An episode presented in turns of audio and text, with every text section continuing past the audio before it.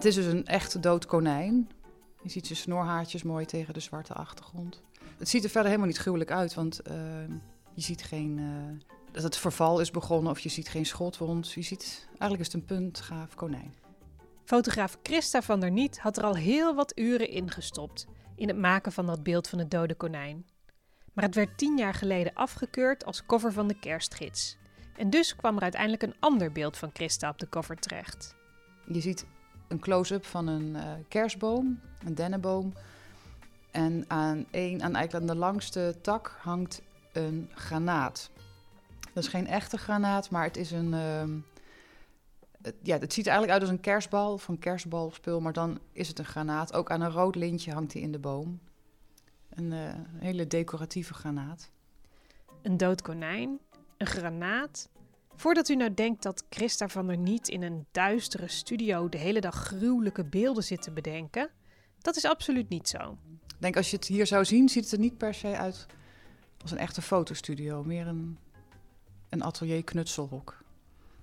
En ik, ik werk aan huis, dus uh, ik vind dat heel prettig. Ja, er lopen hier twee poezen rond. Een hele kleine van 13 weken en een iets grotere van een jaartje. Uh, die heten Sergeant en Major. Die poezen erbij is wel heel gezellig. Alles wat ik doe is echt geconstrueerd, opgebouwd. Uh, dat kun je geanceneerd noemen. En ik werk met, uh, met props, dus eigenlijk gewoon bestaande spullen die ik zoek en vind en tegenkom, maar ook zelf maak. Nou, ik zou het toch eigenlijk echt wel stil levens noemen.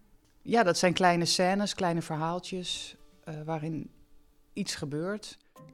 Ze vindt het wel een uitdaging om beelden te maken die niet zomaar van je netvlies glijden. Ja, het is niet dat ik per se wil um, chockeren of zo, dat niet. Maar ik vind het wel interessant als een beeld uh, ja, meer is dan een mooi beeld. Want in, ook in mijn werk zit wel veel esthetiek. Ik vind het wel, denk ik, voor het oog is het wel uh, fraai.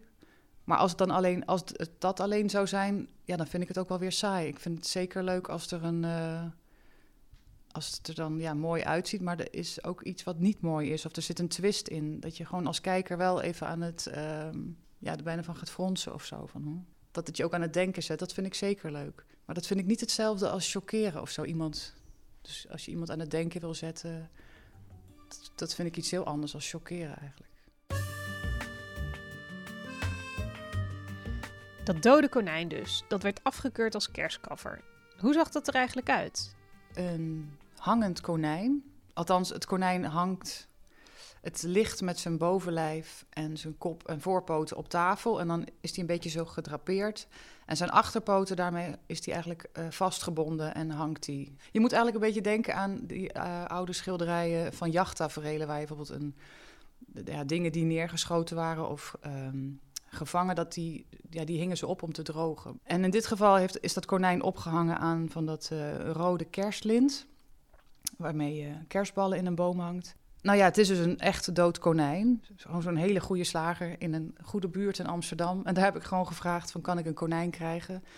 En dat is een hele normale vraag rond kerst. Uh, en, maar ik moest natuurlijk een konijn hebben wat gewoon um, uh, niet gevild was, waar de vacht nog aan zit. En um, soms zie je veel schade aan zo'n konijn. En uh, ze kunnen het ook op een manier doen zodat je er weinig van ziet. Nou ja, ik heb gewoon zo'n konijn besteld en dat ben ik op gaan halen.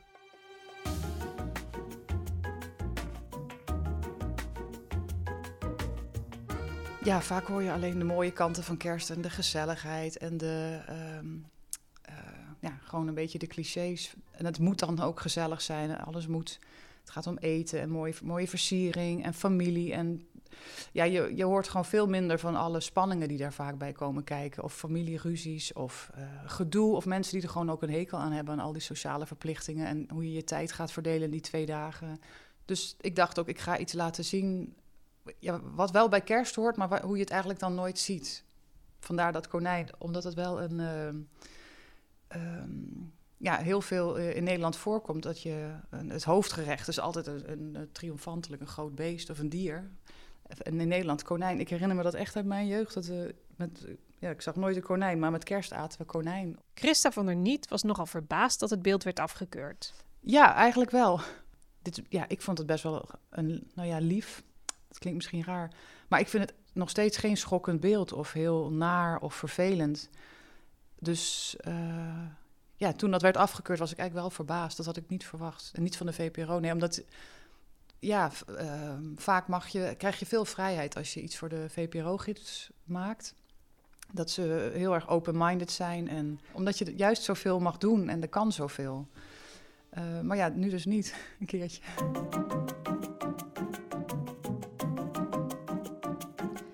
Degene die de cover afkeurde, dat was... Hugo Blom, uh, tegenwoordig uh, uitgever van de VPRO-gids. Uh, en een aantal jaar geleden was ik hoofdredacteur. Maar we hadden op een gegeven moment bedacht, nee, we willen ook met, met onze kerstnummers willen we bijzondere dingen doen. En dit was een vrije opdracht. Christa van der Niet is een, is een hele bijzondere fotografe, maakt sterk autonoom werk. En toen kwam het, het, het, het hangende konijn kwam binnen. Ja, dan vond hij het vast een vreselijk beeld als hij het niet op de cover wilde. Zelf vind ik het heel goed, heel geweldig. Oh. Maar ik had ook wel onmiddellijk bedenkingen over de vraag van... is dit ook wat wij op de cover van de gids willen zetten? Uh, wat er gebeurt als zo'n beeld binnenkomt is dat, laat zeggen, mijn linkerkant denkt... nou, fantastisch, en mijn rechterkant denkt, oh ja, de abonnees. Dit is voor uh, ons publiek, is dit uh, een te confronterend beeld. Dit gaan wij niet op de mat laten vallen in de dagen voor kerst. Uh, en je weet eigenlijk al op het moment dat je, dat je twijfel gaat uiten over zo'n beeld, dat, dat het nog heel moeilijk zal worden om het zo te krijgen dat je denkt, ja, we kunnen het wel doen. Want hè, dan is die, die onzekerheid is er eigenlijk al. En dus verdween de dode konijn in het archief.